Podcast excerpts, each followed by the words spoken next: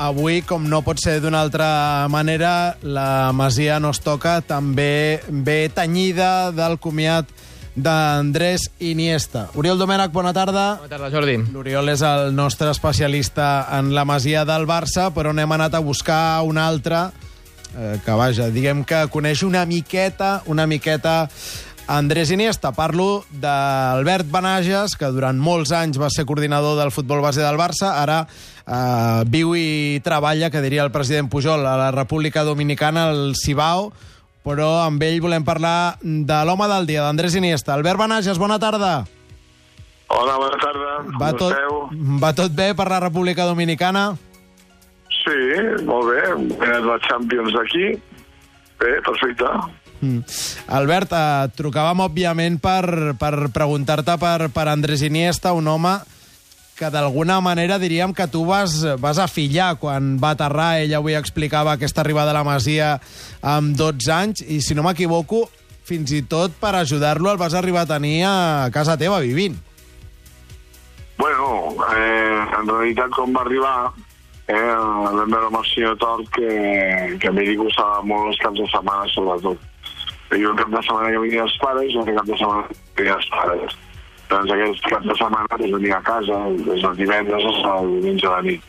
Però el dia a dia per ell era bo, escola, estava distret, eh, els entrenaments, eh, però el cap de setmana, en aquella època no havia nanos gaire petits, estava el Jorge Troteiro i tenia família a Badalona, i, bueno, clar, no estigués sol, pues, eh, venia a casa i tenia un nano, en Samuel, i, i res, anàvem al cinema o a menjar a casa, bueno, feia un dia familiar. I el cap de setmana que venien els pares, pues, bueno, pues, anàvem amb, els pares a l'hotel, però també estàvem junts. Mm, Eh, Al- vull dir que sí que vam viure ben a prop la seva, la seva arribada. Albert, tenim alguns problemes amb el, amb el so que ens arriba des de la República Dominicana. A veure si et pots moure una miqueta i, i t'escoltem millor. Sí, em si em moc, em bien a Puerto Rico, eh? és millor. Ara, crec que ara, crec que ara t'escoltem en, en millors condicions. Eh, per tant, Albert Benages, Albert Benages coneix el- l'Iniesta de 12, que va arribar al, a Can Barça als 12 anys. Avui, que, que l'has sentit acomiadar-se, estem davant de la mateixa persona? Sí, que amb Andrés ja el vaig conèixer dos o tres anys abans que va vindre amb Albacete a jugar un torneig que jo vaig organitzar amb els Sants. Vull dir, ell ja va vindre llavors, jo coneixia d'aquella època. Eh, la persona no ha canviat, és un nano que, eh, que juga com quan era petit, eh, té aquesta personalitat com quan era petit. Eh, I llavors hi ha jugadors com el Messi, ell, Cruyff, Maradones, quan són petits juguen molt bé i són capaços d'anar pujant les categories, adaptar-se eh, i seguir jugant igual de bé amb una categoria superior. Aquí és on estan els límits d'alguns jugadors que no són capaços i es queden en unes altres categories. L'Andrés està fent les mateixes coses que quan, feia, quan era un nano. L'Andrés, i la veritat és que sí que és veritat que, que, que l'experiència i els anys aporten moltes coses, però les característiques generals, personals i tècniques són molt, molt semblantes. Explicaves a Albert abans que l'Iniesta entra molt petit a la Masia amb, 20, amb 12 anys i, i es trenca una norma que hi havia, no? Amb ell i amb Troiteiro decidiu que si són més joves però valen la pena, doncs eh, poden entrar abans, eh, crec que eren els 14 anys, que, que fins aleshores eh, entraven els nois, no? Sí, sí, sí, va ser una vida excepcional, perquè va començar a formar-se aquest campionat del, del futbol 7, del, del, de l'Arriero, va començar a localitzar ja nanos de, de, més, de més petits, no? La veritat que hi ha una cosa de risc, perquè a aquestes edats és més difícil la- l'adaptació, però ja a partir de llavors va començar a fer molts nanos, els quals alguns no van tindre la fortalesa d'ell, i van tindre que tornar a les seves cases, però ell va tindre la fortalesa per quedar-se, perquè ell tenia un objectiu, i així li ha anat de bé.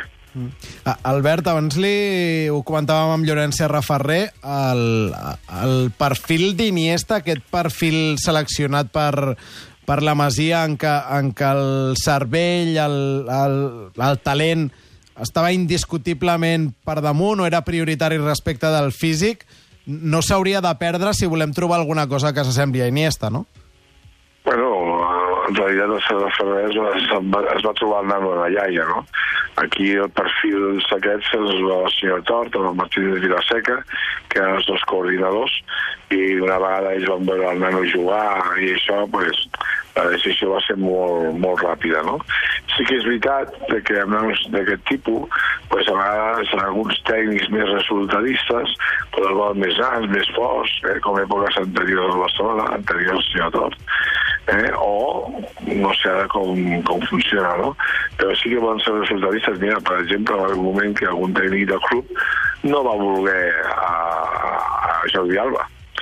I a pesar de que vam insistir, insistir, insistir, pues la va fotre fora i després vam de pagar 14 milions d'euros perquè era petit, era poca cosa però és igual, si entre Jordi Alba, Messi, Iniesta i Xavi no feia un perquè l'important és el talent no? i llavors fa, aquí té que haver un, algú per sobre que en aquell moment era el senyor Tort eh, on el, el talent el talent era el més important no?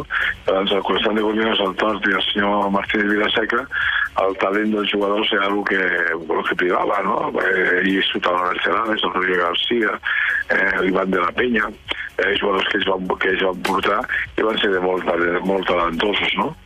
Vull dir que aquesta política va ser un moment que, que, que així sempre, eh? jugadors de talent, només important intel·ligents, que siguin bons, i a partir d'aquí, si fan menys de 80, tenen els ulls blaus i te cabells arrissats, doncs millor, no?, per la foto. Però en realitat el que es buscava era això. Mm -hmm. Albert Benages, ha estat un plaer, com sempre, parlar amb tu, tot i que tinc la impressió que no acabes de combregar gaire amb com s'estan fent les coses avui dia a la masia de, del Barça. Albert, eh, moltíssima sort i que continuï anant bé per, eh, per la República Dominicana. Una abraçada forta.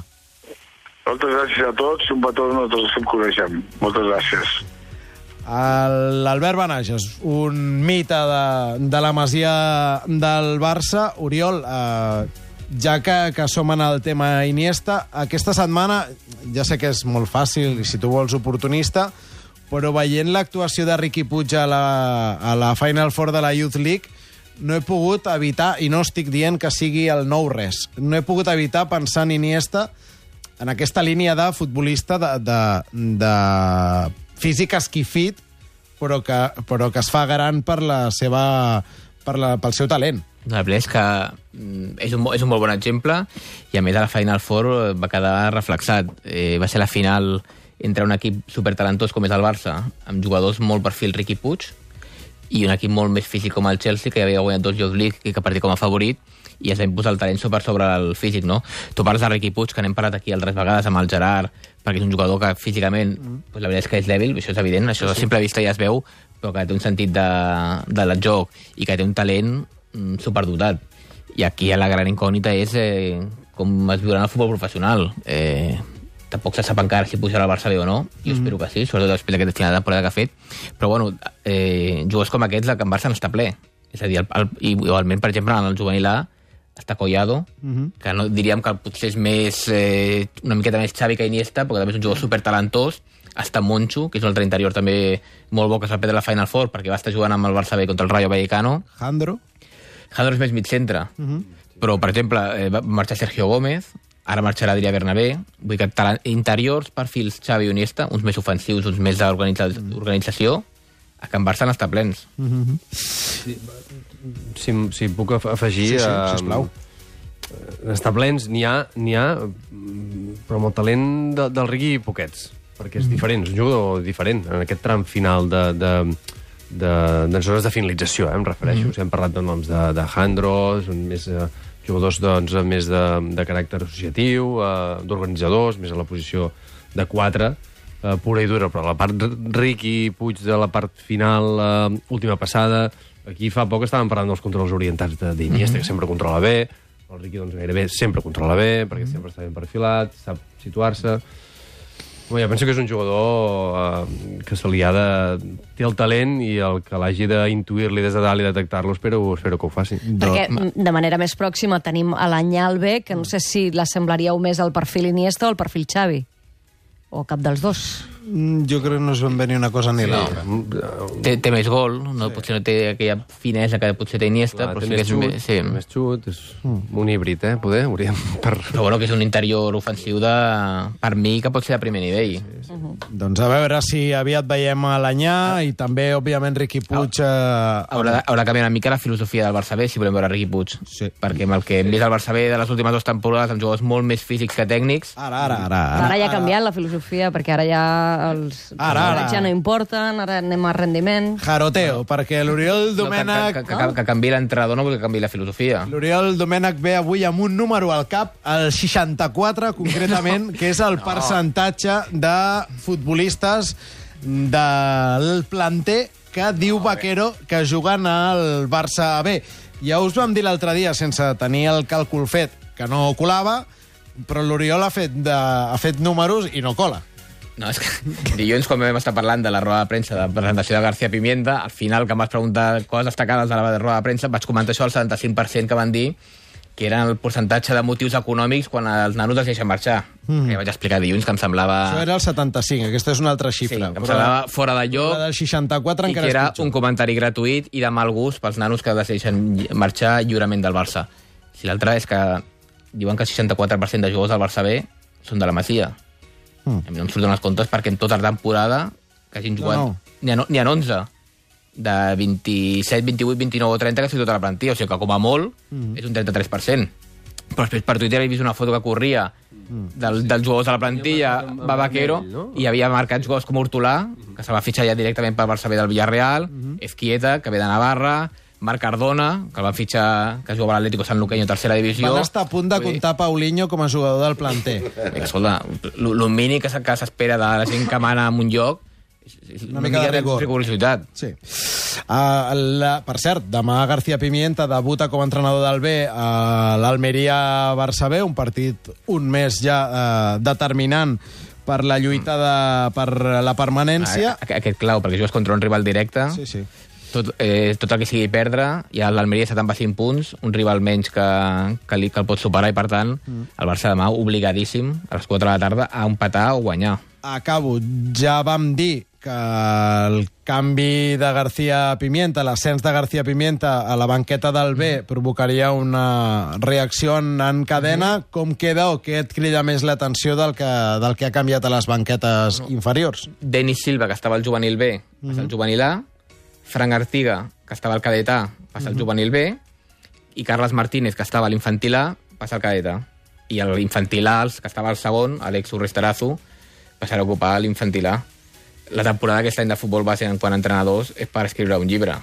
Perquè sí, ja, podem, ja, mira, ara que tenim El temps... mateix, el mateix Pimienta. Eh, entrenat, ja, ja, ja, ja vam parlar la setmana passada que si es confirmava hauria passat pel Barça B, Juvenil B, Juvenil A i un altre cop Barça B, però el Juvenil B, per exemple, ha tingut cinc entrenadors en tota la temporada. La biografia de García Pimienta, que si ell em deixa l'escriuré jo pel Sant Jordi de l'any que ve, es titularà Història d'una baldufa. Una baldufa triomfant, però una, una baldufa. I, I després un altre a destacar, amb, amb 40 anys mai havia marxat un, un entrenador del Barça B mitja temporada, mai l'havien fet fora. Uh -huh. I amb 4 anys en portem dos. Que Eusebio Sacristán, de forma injustíssima, perquè no estaven en llocs de descens, mm. i per mi també crec que de forma injusta Gerard López ara.